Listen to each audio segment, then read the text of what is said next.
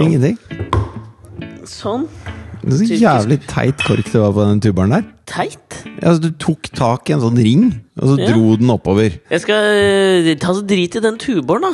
Jeg skal fortelle deg en ting som eh, jeg ble overraska over, som har prega min uke litt. Oi. Eh, fordi denne uka har, jeg liksom sånn opplevd ting som er sånn derre Hvor jeg føler at liksom sånn At jeg har fått info som jeg liksom Som har overraska meg litt. Er det Som sånn fått- det som, det som heter på, på hashtag-språket, eller emneknaggspråket om du vil, TMI? Hva betyr det? Too much information. Nei, ikke too much. Jeg føler at det er liksom information that changed my mind about things. Så ta og akronymifisere det, du. Itkmum Itkmum? Ja, og la meg bare si den første jeg fikk. Var, da fikk jeg på en mail um, med en link til noe.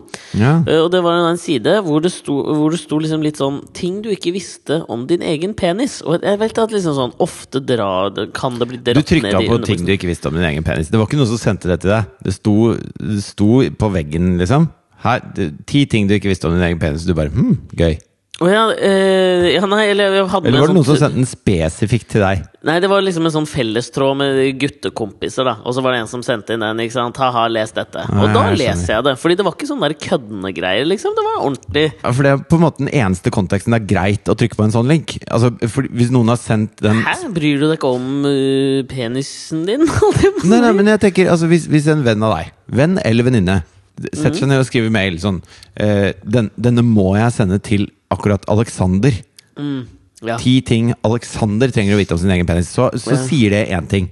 Hvis du derimot sitter og, og scroller bare på Facebook, og så står, og så står det sånn her 'Dette kan du trykke på', og så trykker du inn der, så, så betyr det noe helt annet. Men når det er den konteksten med guttekompiser, så vil man dele den uh, opplevelsen. Man vil kunne snakke om det de legger ut. Så da, jeg det er helt greit at du trykka på den. Jeg skjønner.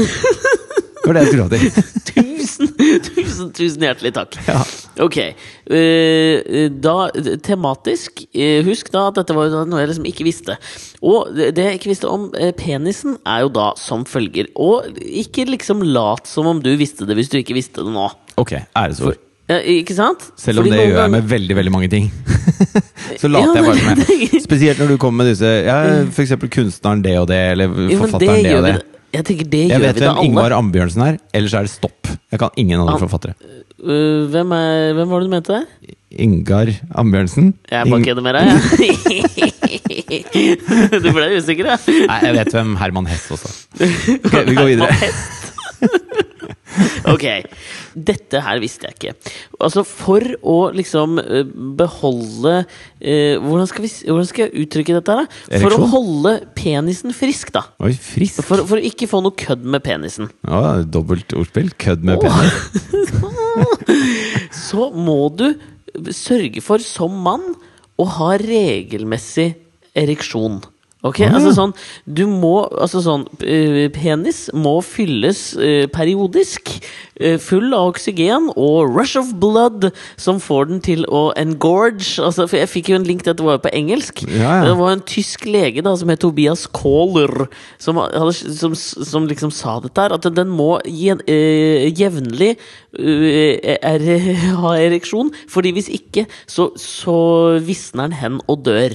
Det er som en, det er som en, eh, det er som en bil. Altså, Den må ikke bli tantekjørt. Av og til må man ruse det. motoren. Men du kan tantekjøre i pikken, si. Fy faen, jeg trekker det tilbake. Det er ikke lov å si. Milfrytter. Vi må tilbake til en ting med MILF etterpå, men jeg skal bare ta dette her først, siden vi nå er inne i dette landskapet. Altså, kan jeg bare si Jeg har alltid syntes det har vært så gøy med folk som har etternavn som er verb. Altså type Arne Bader. Ja. Syns jeg er kjempegøy. Thomas Kåler. Thomas Tobias, Kåler. Tobias Kåler, Tobias Kåler. anleggen. Ja, eh, fett, fett navn. Liker det. Mye vektig innspill så langt, kompis. Tusen takk. Vær så god. Ok, så Det var liksom sånn en, en ting som jeg liksom reagerte på i dag. Og husk, vi må bare huske på at vi må tilbake til mild etterpå. Altså. Men dette er jo som å trimme. Altså Man må trimme alle andre deler av kroppen. Jo, men Har du noensinne tenkt på det som trim, liksom? For det har jeg aldri gjort. Nei, men hva er det som kan skje? Hvis den, altså, hvordan blir den hvis den blir tantekjørt? Nei, jeg tenker jo, altså sånn, Det står det jo ikke noe om. Eh, Jeg tenker jo, fordi da får jeg jo de av frisk bildene er i jo hodet. ufrisk. Ja, jeg får jo noen bilder i hodet liksom sånn altså Det er jo sånn Med en gang du liksom sånn ikke vet noe, noe, så er det jo verre enn å, enn å vite, tenker jeg ofte sånn når du tenker på liksom sånn katastrofescenario, i hvert fall for en nevrotiker som meg. Så hvis Ja. jeg får vite liksom at hvis du ikke gjør det, så blir penisen blå. Ikke sant? Det hadde vært kjipt å vite, men hvis jeg nå ikke får vite at den blir blå, så tenker jeg at den blir ganske mye verre. Det kan bli til og med helt sort. Jo, Altså, men det er jo dølt å ha blå penis, da. Ja, det spørs jo litt, da. Hva, altså, sånn, det kan jo være et artig partytriks. Ja, eller hvis du, altså, hvis du pleier å ha sex på sånne Statoil-stasjoner, på do der hvor de har sånn derre helt blått lys, så er jo hele kroppen blå. Så da er det sikkert ingen som merker det. Ja, sånn lys for å hindre at du skal ta eh, heroinsprøyter. Ja, for Grunnen til at de har sånn lys, er at man ikke skal se blodårene sine. Og da vil du heller kanskje den blir helt usynlig. da Du ser ikke den blå tissen din. Usynlig penis. Det hadde jo også vært litt raft, da. Men, og, men også litt skummelt, på en eller annen måte.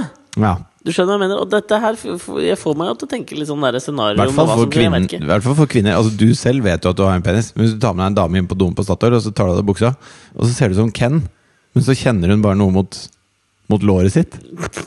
Kinnet. Det er, det er jo ikke, det er jo ikke noe hyggelig, egentlig. Nei, i- i- nei. egentlig ikke hyggelig. Men, men det som jeg, jeg skulle liksom med det her, var at liksom det, det, min uke har liksom vært preget av ting jeg liksom sånn ikke skulle trodd. Og så kom dette først. Ja. Som jeg i utgangspunktet liksom syntes var en sånn ganske ubehagelig greie. Altså Plutselig så ble jeg liksom nervøs, og tenkte jeg sånn Kanskje jeg ikke trener Kanskje jeg ikke trener nok? Altså, Hvor ofte, hvor ofte tror du at du har ereksjon, da?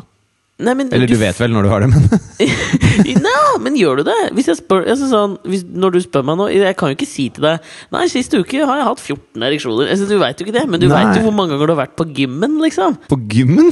Hva? Ja, jo, Å, ja, nå trodde jeg du mente det sånn i penisøyemed. At det var et nytt ord for å onanere. At du er på gymmen. Jeg bare trimmer liksom så den ikke blir tattkjørt. Men, men, men det kan det jo bli nå, mener jeg. Ja, men Når er du mye på gymmen? Nei, jeg er ikke, ikke så innmari mye på gymmen. Ikke mer enn vanlig, vil jeg tro. Nei, det er ikke sånn, du, sånn som det er på, på den ordentlige gymmen, at du har betalt på sats i to år. Er det, men altså, da, der får jo liksom Sats en eller annen slags sånn ny horefaktor, da, som ikke er så jævla hyggelig, tenker jeg, hvis du skal fortsette den sammenligningen. Nei, det er som hvis du, altså hvis du kjøper et sånn abonnement på en eller annen pornoside på nett, og så aldri er på gymmen. Det er sånn som en av mine aller beste kompiser Han eh, var inne på en sånn side på nettet for mange år siden. Er sånn med pornografi på? Med pornografi på. Ja. Uh, og det som er jo på en måte er en uh, sak som ofte skjer på de sidene, er jo at du får virus på maskina di. Det er jo liksom sånn, det går hånd i hånd med, med å Ja. være på sånne sider. ja.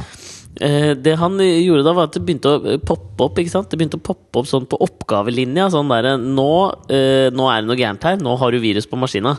ja. Liksom Regnes det liksom som en, en slags kjønnssykdom på datamaskina? Ja, Når du får virus av, av pornosider? Ja. Du kan ta med laptopen din til Olafia-klinikken og teste den. ja, men det var, jeg veit ikke om det fins noe ekvivalent. ja. Du kan jo ikke, altså sånn, det er jo marerittet. Jeg har tenkt det mange ganger også. Hvis du får en sånn skjermen fryser idet du er inne på en sånn side, da ryker da kaster du jo uh, maskina. Du går jo ikke til PC-doktoren og sier 'sorry, buddy', se hva som skjedde her, liksom. Da sier i så fall PC-doktoren 'sorry, buddy'. Det er sånn Ja, som skjer. Ja, det her kan ikke jeg hjelpe deg med. Ja. Nei. Men det han gjorde da, var da liksom den der begynte å poppe opp liksom Norton antivirus. Du, nå kommer det noen trojanske hester og ypper seg på muren vår, liksom. Ja, ja. Eller på kondomet.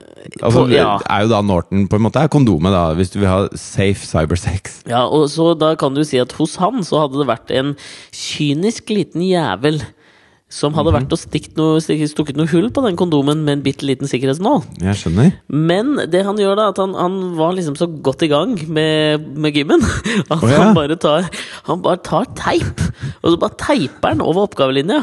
Sånn at han blir bare han litt sånn out of sight, out of mind. ja! og så bare lar han det gå. Og så får han til slutt så sånn, gjort seg ferdig på gymmen, da. Ja. Og da får han også tilbud sånn Ok, hvis du betaler oss fem dollar, så bare kvitter vi oss med dette viruset for deg. Fra viruset! Så får du dette tilbudet. Og viruset skal ha penger for å gå bort. Ja, og da tenker jeg sånn Jeg tror 99,9% av befolkningen ville tenkt Det der er ikke noe god idé. Ikke taste inn kredittkortnummeret inn i et virus. Han gir alt han har av betalingsinformasjon, han! Og trykker enter, og liksom sitter og krysser fingrene og håper at dette går. Å, Så jeg følte at det var en slags perfect storm av hvordan du ikke skal deale med virus på gymmen. Men hvorfor har du venner som er så tjukke i huet? Nei, han er veldig lite tjukk i huet på andre områder, altså. Ok.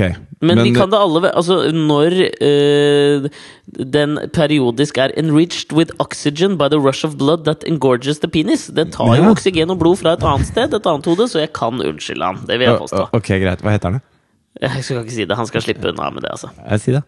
Og Chirac? Nei, Chirac? Hvorfor? Altså, du er jo kompis med Chirac. Nei. Jeg vil si Jo. at jeg, jeg er på hils. Er du på hils? Du har drevet og sagt at dere er kjempekompiser, du. Når har jeg sagt det? Ja, du sier det ofte, og så Nei, drar du opp sånn Chirag hele tiden. Du viser bilder av Chirag og sånn. Det gjør du vel? Jo. Du er kompis med Maria Mena. Men apropos en annen liksom kjent fyr som jeg skulle inn på, som jeg har hengt med jævla mye denne uka, det var derfor jeg skulle inn på det med penisen, det er Kurt Nilsen. Det er Kurten, ja. Ja, for jeg Altså, du er jo i gitarmiljøet, som jeg Ja, føler også Kurt er i. Ja. Kjenner du Kurten du eh, godt, du, eller? Nei, vi er på hils, liksom. Ja, Sånn som deg og pratet Chirag. så mye om en eh. Ja, men du, jeg har hengt eh, med Kurt denne uka her.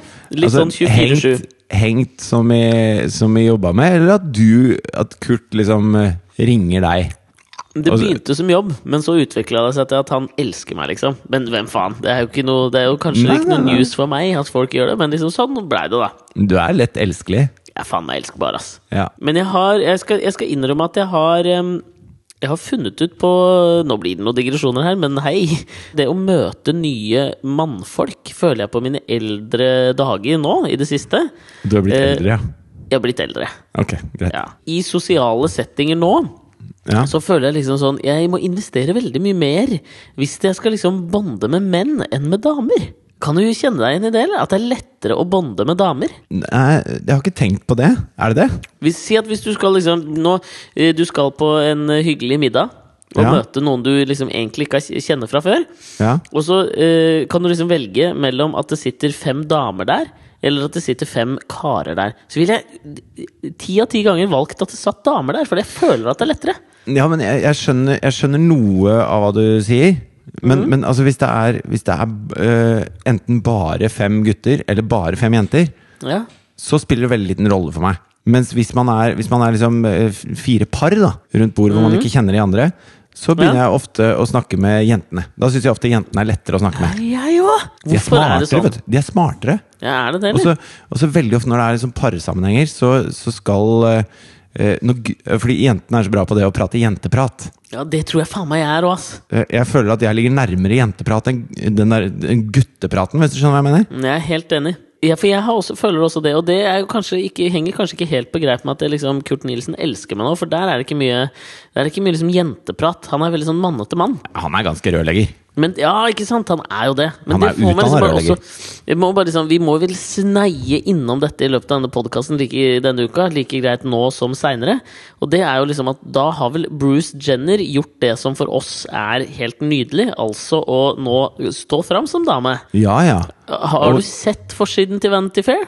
Hvordan er det mulig å ikke få med seg forsiden til Wanty Fair? Vanity Fair. Ja, men jeg har sett det. Ja, og jeg må jo bare få si Han ser det litt ut som Cindy Crawford. Cindy Crawford møter Jessica Lang, eller? Møter Bruce Jenner. Eller Caitlyn Jenner, da. Ja, Så man skal aldri si Bruce Jenner mer. Nei, nå er det Caitlyn. Ok, ok. Ja.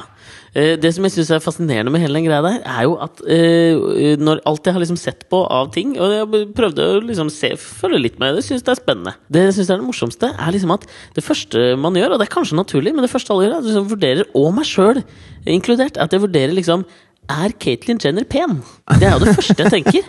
Det er det første jeg tenker på. liksom Det sånn er, jo, det er jo helt irrelevant, men, jeg, men det har jo Helt litt med hvordan men du har tenkt det du òg. Når du ser det bildet, så tenkte du jo Fordi det må jo jeg Jeg falt Jo, ned men på det har jo mye med hvordan bildet ser ut. At, at uh, Katelyn sitter i en slags sånn derre uh, Hva skal man kalle det? En lingerie-body-aktig ting? Et korsett, på en Jeg måte? vet ikke hva det der kalles, men en superhelt kunne brukt det i en film. Altså Hvis jeg hadde tatt det på Jonathan, da min lille sønn, så hadde jeg kalt det en body. Ja, men, Men den har jo stort sett armer, da. stropper. En stroppeløs body. Stroppeløs body. Ja. Men er du ikke enig i at det kunne vært noe sånn Wonder Woman kunne brukt den der som, eh, Jo, men som lett. fløy? Liksom. Ja. Absolutt. Men det har jo noe med hvordan han eh, fremstår der hvor han, hvor han sitter litt sånn for, for, Unnskyld. Hun. Ja.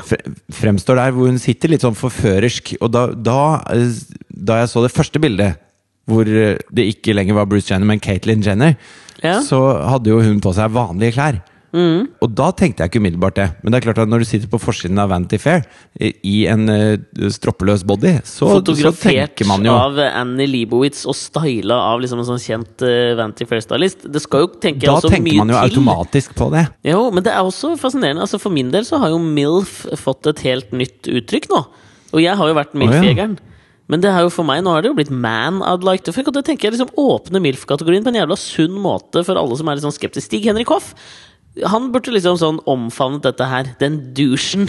Han kommer ikke til å omfavne dette her, altså. Hvis Stig Henrik, Stig Henrik Hoff har aldri, vet ikke hvem Kim Kardashian er, tenker jeg.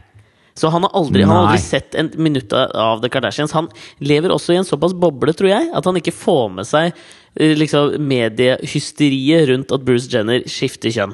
Så jeg tenker at Altså, Når han sitter ute på. Nesodden og skal liksom se på, gå inn på en eller annen sånn nettside hvor det begynner å dunke fra Norton antivirus, og så får han se et bilde av Caitlyn Jenner, så går Stig Henrik Hoff uh, På gymmen. på gymmen.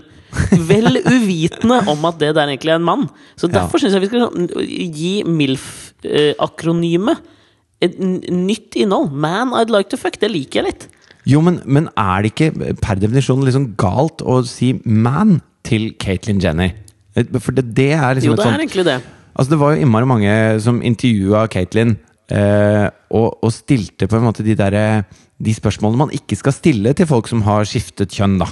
Ja, Hva tenker du på da, liksom? Nei, jeg tenker på sånn Ja, eh, men du var en mann, nå er du en dame, og så liker du damer. Betyr det at du er lesbisk, eller at du er heterofil? Altså, Ja, det er sånn, det derre Diane Sawyer-intervjuet. Var det Ja. ikke Diane Sawyer, da? jo, sånne type spørsmål er veldig touchy i det miljøet der. Så når du da lanserer liksom det at du syns at Caitlyn Jenner er pen, som en eh, ny type MILF, men da ikke mother, men man, så, så føler jeg at du går Diane Sawyer en høy gang i å tråkke alle salatene som ligger der. Men kan man si at man heller sier MILF? Eh, Man, man mom? Eller bare ILF. I'd like to fuck.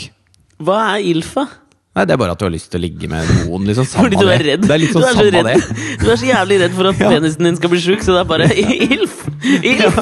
Du vil ikke at den skal bli ufrisk? Det må jo være det motsatte av frisk.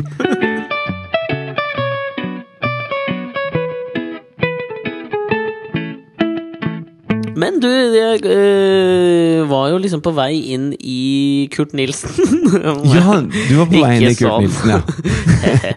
Nei, men eh, jeg er så veldig sånn glad i, og dette har vi prata om mye før, men jeg er så veldig glad i når man liksom har Kjendiser syns at du er stas?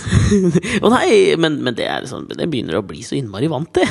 Ja, Det er så jævlig likende. Nei, men du, vi har prata mye om det at vi liker veldig godt når man liksom, når noen, noen motbeviser visse fordommer man kan, vi eller mann kan ha mot dem. Ja. Fordi eh, det kan nok være at jeg hadde mine fordommer mot Kurt Nilsen. Før jeg eh, nå Altså, han vil jo sikkert ha meg som forlover og bla, bla, bla framover, så det må Så da Jo, men, jo, men altså, bare for å være helt tydelig, da. Jeg er helt overbevist om at du hadde en fordom mot Kurt Nilsen, for du har jo fordom mot alle som du ikke kjenner. Du er kanskje en av de mest fordomsfulle menneskene jeg kjenner. Jo, men, og, ikke, og, men negativt og positivt, vil jeg påstå. Ja, ja. Men, Ja, ja. men når du sitter og, og, og leser om, om kjente mennesker, eller scroller på, på sosiale medier, eller noe sånt, så Mm. blir du bare fylt av hat mot de du ikke kjenner. Nei, enten eller. Enten elsk eller hat. Jeg er jo ikke, du veit med meg, jeg er jo ikke liksom sånn Jeg er litt svart-hvitt, jeg er ikke så mye grå. Ok, nå skal jeg kaste ut noen navn, nå skal du bare si elsk eller hat. Ja, ok, den er grei. Ok. Gunhild Stordalen. Ja, men ikke sant, her er problemet også, for jeg fulgte med på hele den der debatten som kom igjen. Altså, jeg prata om Kjetil Rollnes forrige uke, så dette var litt sånn for touchy for meg. For da er jeg usikker om jeg elsker Gunhild Stordalen, eller om det er bare fordi jeg hater Kjetil Rollnes at jeg elsker henne. Han skrev jo den der Facebook-oppdateringen om at alt, alt hun gjorde var drit. Hele den konferansen hun hadde var drit. Og da merker jeg at liksom sånn, det irriterte meg så mye at jeg kanskje gikk fra å hate henne til å elske henne. Og så er det noe med folk som har en dødelig sykdom. Får hater du henne? Nei, jeg gjorde jo kanskje ikke det, men jeg var liksom litt irritert. Syntes hun var litt irriterende. Men jeg tror ikke jeg hata henne. Hvordan irriterende da? Hun er liksom så høy og har så høye sko og skulle liksom synse så mye og være doktorgrad samtidig som hun skulle drive og ha de der i 17. mai-festene. Det syns jeg ikke er kompatibelt med hverandre. Men nå syns jeg det, fordi Kjetil Rollnes ikke syns det. Jo, men det er jo, altså det er jo mange som sier at det, bare fordi du er pen og rik, liksom, så skal ikke din sykdom få så mye mer fokus enn andres sykdom. Men for faen, er ikke det eh, altså, er ikke det helt riktig? Ja? Skal hun ikke bruke de midlene hun har til å sette for... Når hun prøver å gjøre noe bra, skal hun ikke få lov til å gjøre noe bra? Jo, det synes jeg absolutt. Må man liksom bare holde kjeften sin, da? Bare fordi Nei, man er det, er og rik? jeg, det er derfor jeg liksom elsker litt nå. Elsker henne nå. Ja, Men, men så ta litt mer sånn navn som ikke er i nyhetene, da, som jeg ikke har et veldig sånn umiddelbart forhold til akkurat denne uka. Så skal jeg se om jeg kan liksom klare å fristille meg fra disse fordommene. Okay, Eller dyrke dem, da. Stian Blipp. Elsk. ja, jeg tror det må bli det. Men det er, faen, det er jo både elsk og hat, ikke sant? Å ja. Ja. Men da begynner det å bli ordentlig kjærlighet. Ja, det er det, det jeg tror det er, skjønner du. Det er det det begynner å bli da. Ja, ja det, er, det er sant, det. Litt som med Chirag, tenker du på? Litt som med Chirag, ja. ok, få et par navn til, da, bare sånn at jeg kan kjenne det. For det er deilig å kjenne det litt i seg sjøl. Ja, ja, du må, du må lete litt, liksom. Ja, jeg må tenke. Jeg skal ikke svare som dritfort, jeg skal virkelig kjenne etter nå. Ok, Jenny Jensen. Ikke vær snill nå bare fordi hun og jeg er homies. Ja, nei, nei. Men, men det er Ikke sant? Det er det Nei, der tror jeg det er elsk, jeg. Chartersvein. Elsk. Maria Mena. Elsk. Maria Arredondo. Hat. Ok, da fikk vi én hat. i hvert fall. hat. Er det bare fordi hun er liksom Hun er jo bare god. Jo, men det, hun er Men kristen. på en Ja, og det er det, ja. Ja, det er derfor jeg hater henne. Ok. Hater du alle kristne? Ja, ikke alle, men ganske mange, liksom. Ok, Når du sier det, så, så nå plipper det i en eller annen server borti USA. det gjør, du er klar over det? Nå får du et sånn red flag på Ja, men det, vet du, det er helt greit. Men du, la meg få lov å teste et par på deg også, bare sånn for å se. For jeg tror ikke jeg er den eneste sånn. Jeg tror folk kjenner seg igjen i det at man dømmer folk positivt eller negativt i forkant. Ja, Men Det da må du ta noe jeg ikke kjenner, da, sånn personlig. Ok. Jarle Bernhoft? Elsk. Åh, hvor savner hun? Nei, vi har et avstandsforhold som fungerer. Ok. Det er litt sånn som meg og Kurten, det. Eh, ok. Jonas Gahr Støre. Åh, det er så vanskelig. Jeg har lyst til å like han, men jeg får det ikke til. Ja, ok. Så det er faktisk hat? Åh, hat er veldig stort ord, da! Ja, men det er hat. Henriette Brusgaard? Nei, det er litt elsk. Jo, men det er det. Er det fordi du har vært på gymmen til hennes bilder eh, en gang? Jeg har aldri vært på gymmen til hennes bilder. Jo, det har det. Nei, det har jeg ikke. Jo, det har det. Men jeg ringte og spurte om hun hadde lyst til å være med på date. Det gjorde jeg. Ja. Jeg glemte at hun hadde kjæreste. Jeg hadde møtt han fyren bare for en måned siden. ja, ikke sant. Ja. Bård og Vegard Ylvisåker. Uh, kan vi dele det opp? ja. Bård Ylvisåker. Hat. Vegard Ylvisåker. Elsk.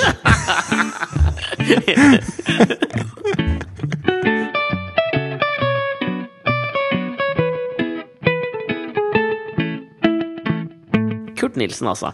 Ja. Ikke sant? Hvilke fordommer, hva, hvilke tanker har du om Kurt Nilsen liksom før jeg kjente han?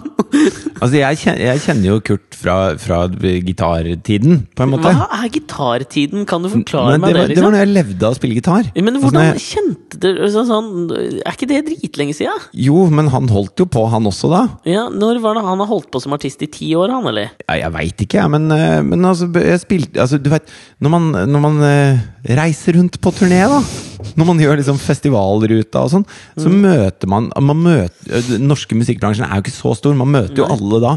Okay. Og så sitter man eh, på backstage og drikker, og så, og så har vi vært på sånn derre vi var på noen P4-turneer sammen. Noen vinterlyd til Kreftforeninga eller et eller annet sånt. Og så okay. Litt sånn forskjellig hist og her, da, vet du. Med Kurten. Ja, Ja, og så møtes man da, ikke sant? Og så Ja. er man på hils og sånn.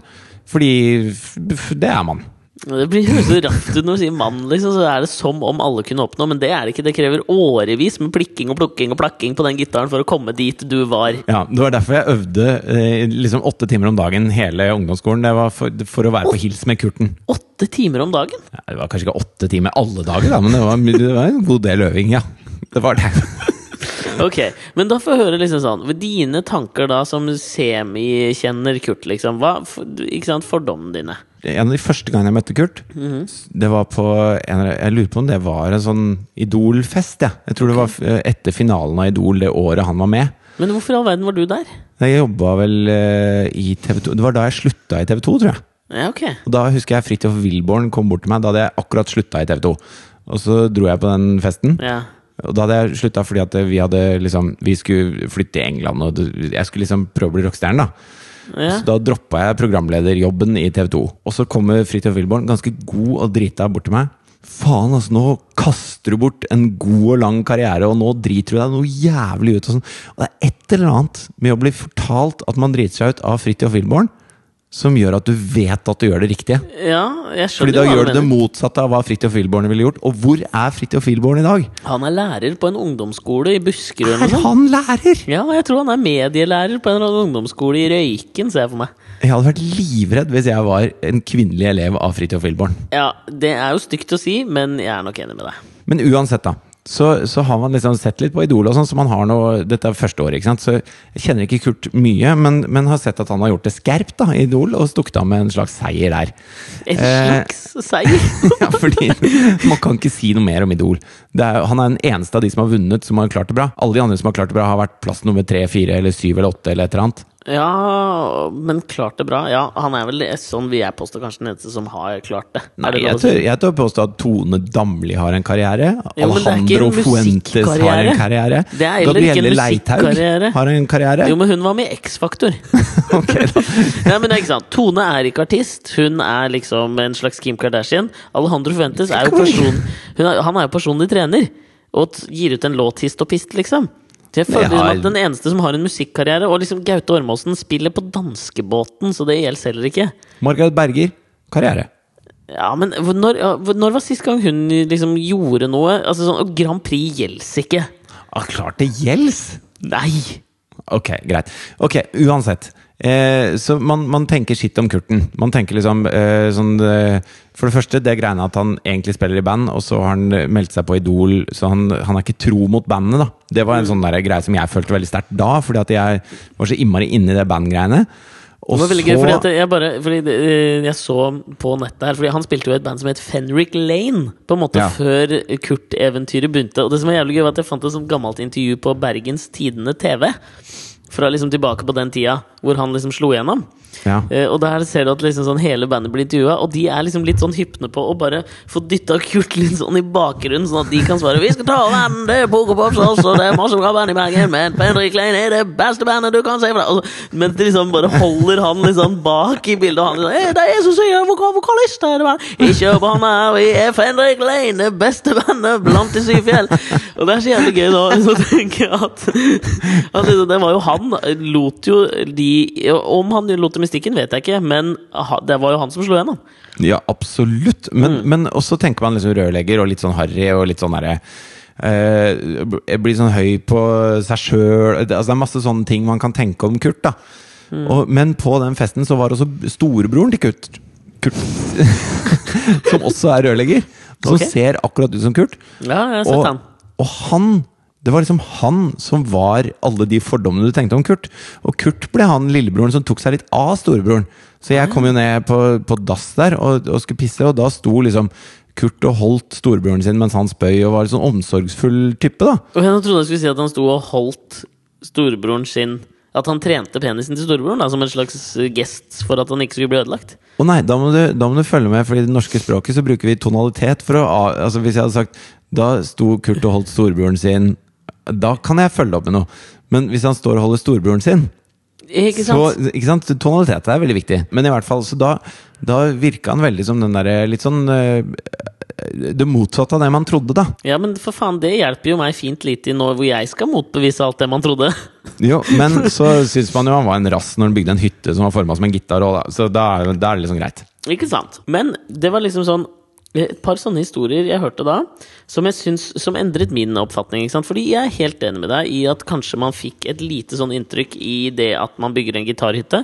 Så tenker man nei, nå har det gått til huet på han, du. Og det er ikke greit her i potetlandet Norge. Nei, og det eneste jeg har imot en gitarhytte, da, det er at uh, du kan bare se det fra lufta. Så det er kun hvis du kommer med helikopter til den hytta at du ser at det er formet som en gitar. Ellers, hvis du kommer til fots, så er det bare en hytte som er jævlig upraktisk innvendig. Ikke sant? For Ja. hva faen bruker du den lange tarmen til, om ikke til en skrytevegg ved alle platinumskivene dine? Nettopp. Og det brukte jo Kurten til. Ja, Og ytterst i gitarhalsen så hadde han vel et lydstudio?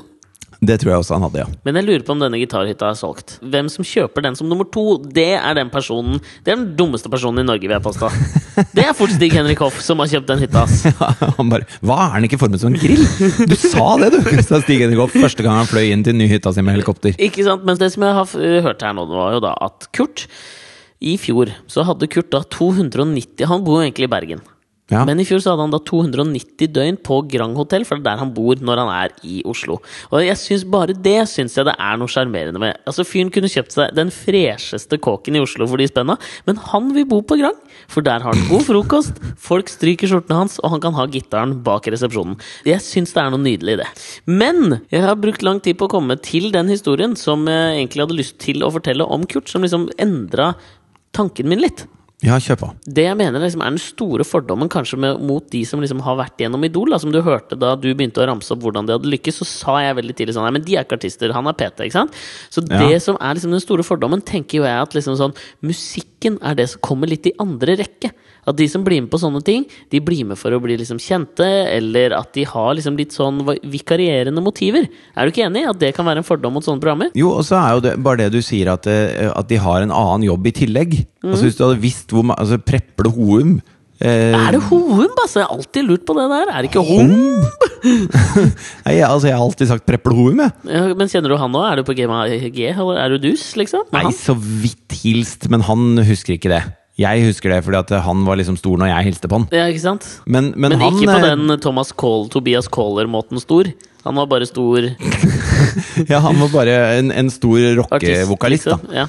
Eh, Men han dreiv jo Volvo-verksted oppe på Økeren liksom hele tida parallelt. Og, og liksom De aller fleste har jo en eller annen form for jobb. ja, men ikke sant, så spørsmålet er liksom bare hvordan du brander deg, tenker jeg. Så det, det er jeg for så vidt, det er jeg for så vidt enig i. Men Det er akkurat som en Idol-artist. da Får ikke lov til å ha jobb. Da har de mislykkes som Idol-artister. Ja. Hvis de ikke kun lever av musikken etter, etter det. Og selv om de kun lever av det, som Tone Damli f.eks., så hvis hun gjør noe i tillegg så, så er du fucked. Da er du ikke, da er du ikke musiker. Men Man er veldig kjappe med det ikke-musikerkortet mot de som har vært med i Idol. Ja, ja, ikke sant? Og det er det jeg tenker kanskje at der ligger litt av det i de fordommene også. Som jeg tenker også, som på en eller annen måte, så er Kurt en del av det. Det er akkurat som man respekterer Røkke, eller folk, da. Folk. Mm. Respekterer Røkke og Ton mye mer enn en lottomillionær. Altså Lottomilliardæren i denne historien er Idol-artisten. Ja, fordi at hvis du går the hard way, ikke Mens sant, så har du på en måte Røkke. Jeg er mye mer røkke, ja. Da har du earned your dues hele veien. Du har liksom gått, gått Du har spilt på alle de små rassplassene helt til flere Det kom ti mennesker ene året, og neste året i Ørsta var det 15, og så var det 20, og så var det 200, og så var det 4. Og så har du liksom gått den ruta, da. Ja. Istedenfor å, i for å være med i fire uker på et eller annet TV-program, og så bare smekker du stjerne. Og det er det folk i, i bunn og grunn har imot. De, de føler det som litt sånn lottomillionærer innenfor artisteri. Ja, og da ser de ikke på dem som ordentlige artister. Yes, og det, er, og det er liksom sånn Det var fint at du sa, for det er liksom inn i kjernen av det der, at denne historien Det var det jeg tenkte. Ja. Og det er inn der at denne historien går, som jeg syns er jævlig nydelig. Eh, Så det begynner liksom med der ikke sant? at Kurt bor 290 døgn på Grand Hotell i Oslo. Selv om han egentlig har base i Bergen, så er han liksom 290 døgn i eh, Oslo på Grand Hotell. Og hver eneste dag han er i Oslo by, så fikk jeg høre altså Jeg bare syns dette er jævla vakkert òg, da. For han prata liksom sånn denne uka vi har hengt sammen nå, så har han prata så innmari mye om alle gutta i bandet sitt. Så det er helt sånn åpenbart at han har en sånn enorm omsorg for alle de gutta i bandet sitt. Og da Han snakker du ikke om Fenrik Lane, du snakker om de han spiller med nå. de han spiller med nå, ja. Ja. Eh, og han liksom viste låter som de har laget, og han prøver liksom hjelpe dem framover. Har masse unge karer i bandet sitt. Så du kjente at sånn du, Tommy og Tittan og den gjengen der. Ja, og så Endre Nordvik, en sånn ny liksom up and coming keys og sånn. Ja. Så og du- kan liksom merke det på folk, ikke sant? Med en gang de har en eller annen sånn eh, Med en gang de sier noe fordi de må, eller med, en gang de sier noe med hjertet. Det føler jeg man kan merke forskjellen. Ja. Og dette liksom sa han med hjertet. Han prata mye om dem og hadde opp mobilen sin og liksom spilte. 'Hør på han her, fy faen så god han er til å synge'. Liksom. Jævlig koselig. Det var Tommy du snakker om der. Nei, det var han Endre Nordvik, tror jeg. Var det heter. også Endre? Mm. Mm. Han hadde laget en sinnssykt bra låt, kommer til å bli en hit. 100 sikkert. Kurt har liksom skrevet den og spiller alle instrumentene og liksom har hjelperen å liksom bli artist. da Jeg syns det er jævlig kult. Så du sier at Endre har laget en låt hvor Kurt har skrevet den, og Kurt spiller alle instrumentene? Ja, jeg ser jo det artige i det der. Men er ikke det jævlig koselig, da? Jo, men er det ikke da Kurt? Nei, men altså Beyoncé synger bare på låta, men du sier vel at det er Beyoncés låt? Nei, men det, for meg så er det mer over i lottomillionærlandskap, da. Er Beyoncé idolartist?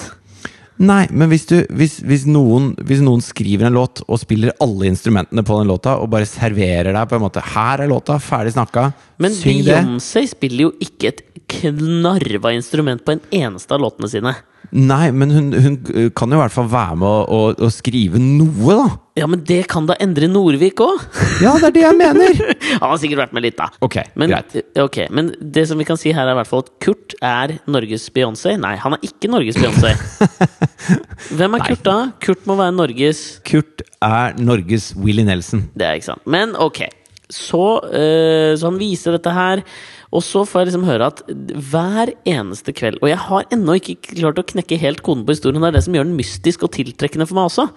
Så hver eneste kveld Kurt er i Oslo, så er han og hele dette bandet på et, altså en ukjent location, en bar i Oslo, som bareieren stenger, sånn at bare de er der. Og så har de jam sessions hver kveld og sitter og drikker, fordi de bare er så jævlig glad i å spille på instrumentene sine og liksom kose seg og leke seg.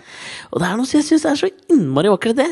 Hver eneste kveld han er i Oslo, så liksom tasser han ut fra Grand Hotel, og det er en bar i Oslo sentrum. Jeg fikk ikke vite hvilken, men en eller annen bar i Oslo sentrum som stenger dørene, for da kommer liksom Kurt og hele bandet, og de sitter og drikker, og jeg tipper han tar regninga, liksom. Barregninga. Ja, og så altså- sitter de der og bare jammer og koser seg og lager låter, og fy faen, det er noe jævlig nydelig i det. Det er noe veldig nydelig i det. Som motbeviser hele den der ikke-musiker. Altså det er en sånn kjærlighet til det du driver med som jeg tenker sånn Det hadde jeg ikke trodd, og jeg syns det er jævla nydelig. men det ligger, det ligger to andre aspekter i akkurat det du forteller nå, som er, som er veldig, veldig triste. Okay. For Kurt så er jo dette jævlig nydelig. Mm. Men for alkoholkonsumet til den gjengen her, Ja. så er det jo nitrist. For hvis det lønner seg for han fyren å stenge baren sin 290 døgn i året, så må de jo drikke som ravner, disse folka! Jeg tenkte jo tanken, men du har jo vært ute en vinternatt før, min gode Ja, det, det er den ene ting som er veldig trist. Og den Ja. andre tingen, bare så jeg kan ta det med en gang, Ja. det må jo være det at, det, at Kurt da er borte fra familien og borte fra liksom alle, hele, hele sitt miljø, Ja. og det gjør at han kan gå ut på denne baren hver kveld, det er noe vel og bra. Men at de andre gutta som bor i Oslo og har sitt vanlige liv, kan være på denne baren 290 døgn for å sitte og fisle litt på instrumentene sine. Det er også betenkelig, spør du meg. Eller da er er det- vanskelig å, det er vanskelig å skaffe seg noe, skaffe seg noe andre interesser her i livet. Mener du at det er vanskelig å trene Tobias Coller-metoden? Er det det du mener? Jeg mener at det blir mye soloøving da, med Tobias Coller-metoden. Men det må jo være greit, tenker jeg. Og, eller er det sånn at man kan se det på den måten, eller kan du se det på den måten at, liksom, at det er en helt nydelig dedikasjon til liksom sånn livsverket sitt, og da må man faktisk ofre alt og leve det. Ikke bare liksom ta og slutte litt grann i sone to for å Jo, ta et par men- måneder bort til England, liksom. Selv om Fridtjof Wilborn står der og sier 'ikke reis'! men Hadde det vært Fenrik Lane, så hadde jeg skjønt det. For da kunne de gå foran og liksom fronta det de dreiv med etterpå. Men hvis de, er, hvis de liksom backer Kurt for en, en sum per spillejobb, og det er Kurt som er liksom den greia Altså, de er ansatt i Kurt. Ja, jeg skjønner jo hva du mener, men ikke sant? det spiller vel egentlig ingen rolle så lenge de gutta backer hverandre, liksom. Er det ikke det som er det litt vakre i det? At de da også lar Kurt De gjør ikke som Fenrik Lane i BT-intervjuet prøver Ja, man bak her, vokalistene, man bak her, og ikke om, vi er Fenrik Lane! Ikke sant? De er mer sånn Her er vi alle sammen på bar.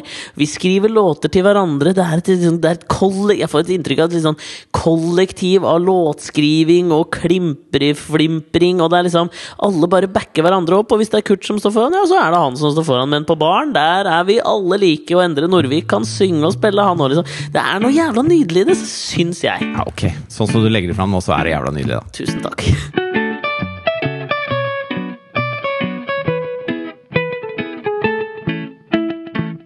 Apropos det at folk har et sånt forutinntatt inntrykk av deg. Ja. Sånn Sliter du eh, mye med det etter at du liksom uh, gjorde Kakekrigen, eksempel? Nei, det er i veldig begrensa kretser. Det er i ka kakekretser. Hver Jeg jeg befinner meg i kakekretser. Ja, så- fordi at det, det, jeg og Kurt, Men- men- vi er jo Nei, Men jeg hadde en veldig snodig en nå når jeg kom gående gjennom uh, Ryes plass i dag med Jonathan i vogna. ok. Jonathan er da min sønn, det er Mhm. ikke en kompis. Og så, Det er bandet sitt, det. og så sitter det en fyr som er litt sånn derre skal eh, skal jeg beskrive han? da? Han sitter med en laptop, mm. eh, og så har han liksom eh, caps og litt sånn eh, Du ser at de klærne hans er ikke De er ikke vaska i det siste. Men sitter han liksom, jeg en- føler en ting som kan beskrive han bra, er hvis du sier liksom Er han en Macbook Air eller en Acer-type? Han er mye mer en Acer-type. så han er liksom Han har en sånn slags junkie-lignende aura, men det er tydelig at han ikke er junkie, hvis du skjønner. Ja. Og så sitter han, og så, og så kommer jeg traskende, da. Og så, og så kaster Du vet sånn, Han kaster bare et blikk, og så kaster jeg et blikk på han, og så treff, vi treff, de blikkene treffer helt samtidig. da Ja. Sånn at vi liksom ser på hverandre, istedenfor bare kaste bare for, for jeg pleier alltid å skanne. Jeg syns det er gøy å se på mennesker, liksom. Men, men det gjør Men- man jo. Man skanner jo alltid, liksom. Ja, man skanner. Ja. Men akkurat da så, så traff blikkene, og, så, og da holdt de blikket litt. Rann. Men det er ofte litt ubehagelig når det skjer. For det er jo ingen, ingen av partene vil det. Jo, men, men og, og da, da står man overfor en sånn derre Enten så kan du kaste øya ned i bakken Mm. med en gang, eller så kan du bare holde det bitte lite grann. Ja, jeg er en kaster. Jeg pælmer det blikket ned, ass. Ja, jeg gjør også ofte det. Eh, eh, stort sett når det er jenter, faktisk. For jeg vil ikke at de skal tro at jeg driver og, og, og liksom skanner dem på den måten, hvis Å du skjønner. Oh, ja, men vet du hva, der er jeg omvendt, for da holder jeg heller blikket. Sånn at de ikke tror at jeg er en sånn lumsk eh, Stig-Henrik Hoff-type. Ok, ja, men Da blir jeg sikkert oppfatta som en sånn lumsk Stig Henrik Hoff-type. altså. Men, eh, men med han da, så, så ble det bare holdende litt, og så, og så holdt han det litt sånn ekstra. Så da ble jeg liksom ja, sånn, og så, Hva betyr det? Nei, altså, da så vi på hverandre, da. Litt sånn, litt sånn, litt sånn Helt til han liksom sa, liksom? Så sa han med litt sånn knørvete stemme så, sånn, Ja da. Så Men du var, du var på liksom uh, prateavstand? Ja, for da begynte jeg å nærme meg. Da. Han satt på en benk som jeg skulle gå forbi. på en måte Ja. Og så sa jeg liksom Jeg bremsa ikke, men jeg bare 'hallo', sa hallo tilbake. ja. Og så sa han eh, 'går det bra, eller'? Hæ? Ok, han rekker mye, syns jeg, her nå. Ja, men så, sånn, sånt skjer. Ja, altså. Ja, ja, ja. Og, så, og så da fortsetter jeg å gå, så da sier jeg 'ja, det går fint'. Og så sier han 'selvfølgelig gjør det det, du har jo kid'.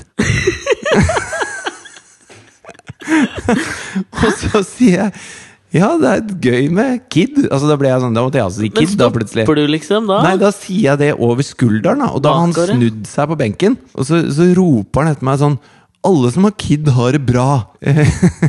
og så, jeg, så roper jeg tilbake, dem, for da har jeg kommet ganske langt unna. Da roper jeg ja.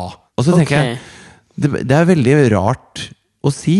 At det, eh, selvfølgelig har du det bra. Du har jo kid. Jo, men altså er det, ah, jeg tenker, for Der fikk du plutselig litt Der tror jeg du fikk litt hverdagsvisdom, altså, som du kanskje ikke var mottagelig der og da. Men hvis vi brekker dette ned, Ja. så har han jo egentlig helt rett. Han For det vil liksom rett. si Mest sannsynlig så, sli- så slipper du å holde på på Tobias Coller-metoden. Det er Jeg, jeg positivt. tipper han gymmer aleine da, og Han det er er på gymmen aleine. Ja. Han har ingen til å hva, hva heter det for noe? De som passer på i benken. Eh, det heter de som passer på i benken, tror jeg. Ja, men det heter en sånn dekke, skygge, flekke. PT. Noen som kan bekke. backer deg i benken. Du skjønner hva jeg vil hen, ikke sant? Ja, ja, det er han som står og passer på at du ikke får den i tenna. Ja, Han har ingen til å gjøre det. Eh, nei, nei, det det er jeg helt enig i. Ja, men Så det har du. Og, og mest sannsynlig, da, oftest liksom, Jo, fortsatt oftest, så har du en partner som du har å leve med, liksom, og det er jo topp. Ja, ja, ja. For det er vel under 50% som skiller seg fortsatt. ikke sant? Så det er, han tenker jo liksom sånn Ja, jeg tar sjansen her. Det er større enn 50% sjanse for at han fyren er en partner. Det er bra. Ja. Du har fått oppleve livets største mirakel og få barn. ja. Ikke sant? Ja. Han ser også at du er eh, vel bemidlet med den flotte Bugaboo-vognen du har, og den frekke Andy Warhol-Voxy-posen som Jonathan sover i. Så her ser han at det er en fripple trouble på denne kisen her.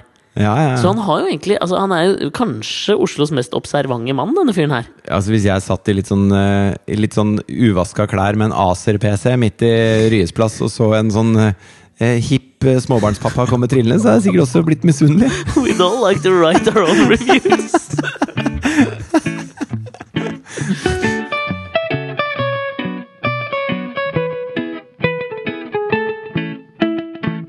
Jeg tenkte jeg kunne få lov å kanskje avslutte med noe av det pinligste jeg har vært med på. Og jeg har vært med på mye pinlig, det kan du vel være enig om? Ja, det, er, det kan jeg være veldig enig om. Ja, fordi at jeg til, har tilbrakt et par dager på en eh, campingplass. Ja. Eh, bare i sånn i forbindelse med et TV-opptak. Det er ikke det at jeg har liksom begynt å campe. Nei, for det er veldig utypisk deg. Det er utypisk meg. Men jeg har kost meg glugg. altså Det er veldig fint. Apropos liksom sånn fordommer mot eh, campingliv. Ja. Du vet de fordommene du har liksom mot det? Mhm. Ja, alle stemmer. ja. Men jeg har vært mye på camping, jeg. ja, det er, du er campingkompatibel. Jeg er, jeg er en jævla camper. Ja, du er kompatibel. Jeg, og jeg hadde liksom fått bekrefta noen fordommer også, men noen ganger så tenker jeg det gjør jo ikke noe, fordi fordommene er liksom koselige, de jeg har mot camping. Men uansett. Jeg var på camping, og på campingplass så er det jo ofte sånn at hvis du skal gå på nummer to-do, Ja. så går du på sanitær, sanitæranlegget som fins på Ande på campingplassen, liksom. Du gjør ikke det inni vogna, for det er litt Ho dritt. hovedhuset, liksom. Ja, du går liksom dit, ikke sant? Og du var i sånn ordentlig vogn, ja? Ja, vi hadde vogn og greier, ja. Ja, ja, ja, okay. Ja, ja, ja, jeg er sånn ikke, liksom. teltcamper, jeg. Jeg har vært nei, på campingplass i telt, liksom. jeg mye. skjønner. Å ja, du er en av de, ja. Litt mer hardcore. Ja, jeg har litt fordommer mot de gutta der, men ok. De har fort Acer-PC-er, altså. Jo, men du har, du har, jeg har mer fordom mot de som kjøper sånn Det som heter spikertelt. Ja, Mener du det, eller? Jo, ja, men jo, det er jo kanskje der fordommene ligger. Ja, eh, Jeg for meg er det det. Altså, de, som, de som blir yrkescampere. Det er noe annet å dra på telttur i ny og ne. Det er noe romantisk over det, hvis du skjønner. Ja, men altså, svigerfar har, han har sånn, og det Jeg har vært på den ene, og det var jævla koselig, ass. Der er det jævla fint. Og på Beitostølen, det var ganske digg, ass.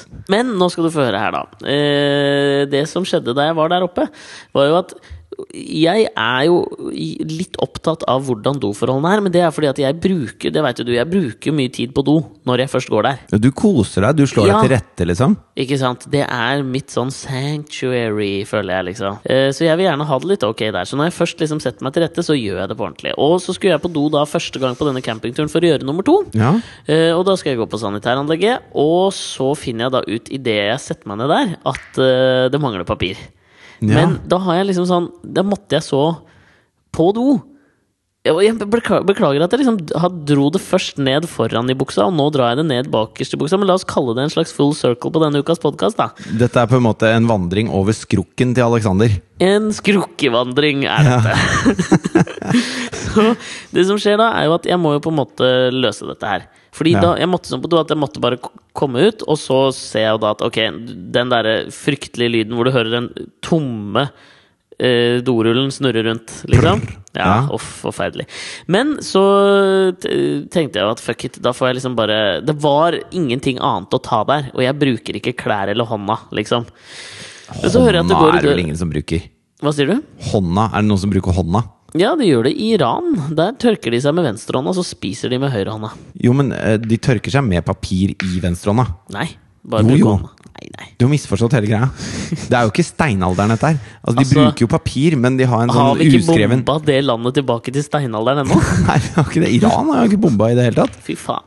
Saddam bomba Iran. Iran jubla når USA tok eh, Saddam. Hadde Stig Henrik Hoff vært i makta, så hadde det landet faen meg vært bomba tilbake til steinalderen for lenge Men, bare, siden. men det er sikkert mange som har misforstått dette her. For det med at de tørker seg med venstre, det er jo da at du har papir i venstre hånd og tørker seg med det, og alle har en avtale om det. Sånn at når du håndhilser på folk med høyrehånd, så vet du at den har aldri tørka den personen i ræva. Altså, den det tror du. Jeg en- holder fortsatt knappen på at de ikke bruker papir der nede. Ok, Hvis vi har noen iranske lyttere, så vær så snill å gi Alexander feil i denne påstanden her. Ok, men la oss bare ta det og si at hvem av oss har en iransk ekskjæreste? Er det deg, eller er det meg? Tørka hun seg med hånda? Altså, ingen kommentar. Jeg visste i hvert fall at hvis Tobias Kåler skulle inn i bildet der, så var det høyrehånda som gjaldt. Kødder du med meg? Nei, jeg bare tuller, hun gjorde jo ikke det, da. Men la meg gå videre. Jeg sitter nå på denne dassen og ser at det mangler papir. Men så hører jeg at det går i døra, liksom hoveddøra til sanitæranlegget, for det er jo ikke svært, dette her. Må ikke få inntrykk av at det er noen sånne svære greier. Men bare Det at- siste jeg skal si om det der med å tørke seg med hånda, ja. det er at eh, hvis du, hvis du har bæsj et sted på kroppen hvor, hvor andre steder skal du liksom ha bæsj? Jo, men det er mye bedre å da fortsette å ha bæsj i rumpa enn å flytte den fra rumpa til hånda di, Ja, og så er- gå ut derfra. Jo, men jeg tenker det er jo lettere på en måte sånn Det er sånn som bikkjer, hvis de har litt sånn klør i ræva, så må de gni seg bortover eh, gresset på rumpa. Og da er det mye lettere å gni hånda, tenker jeg, da. Jo, men Ja, ok, greit. Ja, du Fortsett å tørke med hånda, du. Logisk ja. Hvis du okay, reiser på ferie til. Iran, så ikke, ikke følg de skikkene du tror de har, i hvert fall. Det tror jeg kommer jeg til å du sitte kommer til å skjære seg. Jeg kommer til å sitte sånn og dra meg fremover med hånda, med begge hendene, og så sitter jeg på ræva bortover gresset, og så drar jeg meg bortover for å tørke meg. Det kommer jeg til å gjøre i dag. Men, men det som skjer da, er jo at ok, jeg sitter der inne, og så hører jeg at det går i døra der ute. Og da tenker jeg, nå må jeg jo bare liksom rope og si fra. Mm. Så jeg liksom sier unnskyld, hallo, og så hører jeg liksom hallo, og da er det jo en sånn dame som på en måte er en slags caretaker på denne campingen. Men det er jo veldig flaks, da. Det er veldig flaks. Men også med en viss sånn caretaker-aura, vil jeg påstå. Og når jeg sier caretaker-aura, hvilken film tenker du på da? Da tenker jeg på The Shining. Selvfølgelig. Ondskapens hotell. Ja, den ultimate caretaker her. Altså en, viss, en liten sånn skummelhet i framtoninga. Ja, ja, Så det, jeg tenkte sånn, Da jeg hørte at det var hun som svarte, så tenkte jeg liksom ah, faen, dette er litt ubehagelig å være bukseløs og, og papirløs med denne dama. Ja, for du, du er redd for at hvis du sier til henne, eh, hvis ansvaret er å passe på at det er nok papir, at det er tomt for papir, at hun skal ta det som kritikk og bli sur? Ja, eller mer så tenker jeg liksom sånn Nå er jeg naken og sårbar med bæsj i rumpa. Det er mer der, liksom, egentlig. Men det som skjer, da, er at jeg sier sånn Du, det mangler eh, Og da prøver jeg å si det sånn her, så jeg. Du, det mangler litt uh, papir her inne. Er det mulig å få noe sted? Altså, så koselig jeg bare kan med buksa på knærne, liksom. Ja. Uh, og hun uh, sier jo selvfølgelig da ja, det skal jeg fikse. Og da har du jo noen valg, tenker jeg, som caretaker. Hun Ja. velger å Jeg kjenner at du tar i håndtaket på døra. Oh, ja. Gjett om jeg da har valgt å låse eller ikke låse den døra. Den For åpen. historiens eh, del så håper jeg du har glemt å låse. Den er åpen. den er åpen Så hun kommer inn. Og eh, det møtet altså sånn, det møtet du hadde altså sånn, Si at du møtte blikket til han Acer-fyren på Olav Ryes plass. da Ain't got nothing on dette blikkmøtet som er da jeg sitter der med liksom Bergans allværsjakka bretta litt sånn opp over puppa og tjukke slagstøvler på beina. bretter du opp overkroppstøyet under, liksom opp til under armen? Nei, men jeg måtte brette det liksom Jeg måtte liksom surre det opp, for jeg hadde liksom ullgenser og sånn bergansjakke, og så var det ikke noe sted å henge opp jakka, så jeg måtte liksom sånn snurre det i en slags sånn pølse som gikk helt opp til liksom over puppa. Ja? For ja, at det ikke skulle komme liksom nedi, nedi greiene. Litt som i, i sånne, der, sånn high school-damer som knyter T-skjorta under puppene. Sånn var det du så sånn. ut, bare med bergansstæsj. Ja, litt mindre grasiøs, vil jeg påstå, da. Ja, jeg skjønner. Uh, så hun liksom kommer inn, og liksom Jeg føler at hun ikke på en måte enser at det er det som foregår. Nei, ok. Skjønner du? Så ikke bare gir hun meg toalettpapiret. Hun fyller på ved siden av dosen også, liksom! Så det er litt sånn Ok, dette får være greit, for hun snur seg liksom bare og går ut igjen. Så det er liksom ikke noe prat. Jeg sier bare takk. Men så går hun liksom bare sånn ut igjen, og så vet jeg ikke om jeg skal si ha det eller ikke. liksom, Så jeg holder kjeft. Ok, greit, det er ubehagelig. Jeg prøver liksom å unngå henne resten av perioden vi er på denne campingplassen. Men så må jeg jo på do igjen. Ja. Dagen etter. Og jeg går inn på liksom samme sted. Det er liksom tre båser å velge mellom. Jeg velger en annen bås denne gangen. Og så ser jeg liksom, idet jeg setter meg ned, at det mangler papir igjen. Men da har jeg liksom ikke begynt å gå på do, så jeg Nei. får eh, liksom gitt på en måte gitt beskjed til uh, hun dama. Gå ut igjen så gitt beskjed liksom Du, det mangler papir på doen igjen. He-he. Litt ubehagelig å måtte gå inn igjen, for da virker det liksom som om jeg er en sånn dritemaskin. ikke sant? ja, ja. Så jeg kommer Det er jo dagen etterpå, da. Det er greit, tenker Jo, jeg. men allikevel, vi hadde et ubehagelig møte der. Var Kurt med deg på denne campingplassen, eller? Nei, han var med meg i ånden, for han var rett utafor. Men ikke sant, så, så det, som gjør, det som jeg får, da, at jeg får liksom én sånn uh, rull av henne. Så jeg må liksom walk the, ta en liten sånn do-walk of shame over campingplassen. For disse resepsjonsområdet og denne, dette sanitæranlegget ligger jo i hver sin ende av campingplassen. Så jeg Ja. går liksom med den i hånda over. Alle skjønner jo hva denne fyren skal. Men når jeg da har liksom kommet inn og sitter på doen der igjen, så hører jeg at det går i døra. Og da tenker jeg jo med en gang også eh, Nå har jeg for faen da husket å låse. Og så ser jeg at det har jeg ikke. For du vet, du kan jo se inn på litt sånn gamle dører. Dette var jo ikke nye Låser du dører. aldri døra når du går på do? Jo, jeg pleier å gjøre det. Jeg pleier å være veldig flink, men det er tydeligvis at jeg glemte det. Jeg tenkte sikkert på hvor vakker Kurt er i det der nydelige samspillet med bandet sitt på en bar seint en tirsdagskveld, liksom. Men det hadde jeg ikke låst. Og så kan du jo se, liksom, hvis du bare ser på sida av en dør som ikke er sånn gammal Nei, som Ja, er sånn gammel, så ser du om det er vridd om. Så det som jeg, som jeg tenker da, at du vet sånn når du liksom sitter på do, og så liksom lener du deg liksom litt framover, sånn at du bare Altså, du prøver liksom å holde rumpa over doen fortsatt, så ikke noe skal dryppe ned i buksa, liksom, mens du, jeg strekker meg til døra for å prøve å låse den. Drypper det fra rumpa di? Ja, det spørs jo, da! Hvordan du liksom nei. Nei, men just in case, tenker jeg liksom da. Ja, ok, greit. Ja, Hvis du har noen, for å sitere Raske menn, hvis det er noe danglebær, jeg skjønner. og at de ikke ryker ned i bergansen, liksom, så er du keen på å bare gjøre dette så smooth som overhodet mulig. Ingen brå bevegelser. Ikke sant? Okay, okay, Det som skjer ja. idet jeg liksom er ti centimeter fra det håndtaket, så jeg kan holde meg fast i det, og liksom vri om nøkkelen, så tar det jo i det håndtaket. Sånn at når jeg liksom skal holde der, så liksom glipper jeg litt ned. Første brå bevegelse. Så er det faen meg hun dama som er på vei inn igjen, for hun skal liksom nå ikke sant, gå og fylle på. Hun Ja, er jo en er caretaker. Hun passer jo på, og jeg hadde jo gitt beskjed om at det var det, men hun hadde jo sikkert glemt at hun hadde gitt med meg igjen. Men det som skjer da, er at jeg vil jo ikke ha henne inn på den dassen igjen, men jeg tror hun tenker at nå har vi det forholdet at jeg kan bare gå inn mens han driter. Det har vi jo ikke! Så hun liksom setter den ene og andre hånda, den som hun ikke har på håndtaket, den setter hun inn i døra. Men da tenker jeg nei, ikke faen om du skal inn, så jeg prøver jo å smelle igjen døra. Så jeg klemmer jo hele hånda hennes inn i døra, og hun liksom roper «Au!» Og sier ja, men jeg er jo på do! Så får jeg liksom sånn vridd om igjen. Møtte henne ikke resten av turen. Det er den Nå- verste doopplevelsen jeg har hatt i hele mitt liv. Og fikk jeg sånn bilde av at hun liksom eh, vrenger opp den døra mens hun bare brøler 'Here's Johnny!' Og så er det sånne, sånne tvillinger på trehjulssykkel som sykler forbi en elv av blod nede ved campingplassen der.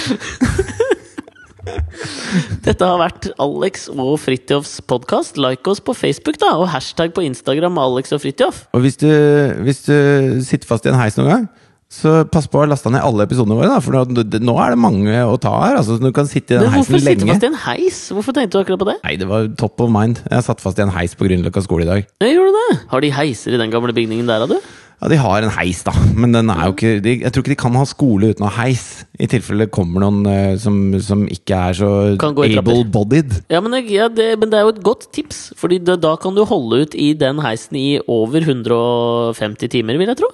Ja, nå, nå rundt 150 timer, så det er jo fint for mulige Uh, uh, ufrivillige innesperrelser å har lasta ned alle episodene av podkasten vår, tenker jeg. Ja, for, ja fordi at jeg merker jo Vi ser jo at vi får til stadighet nye lyttere, og det er dritfett. Men jobb dere nå bakover i diskografien vår.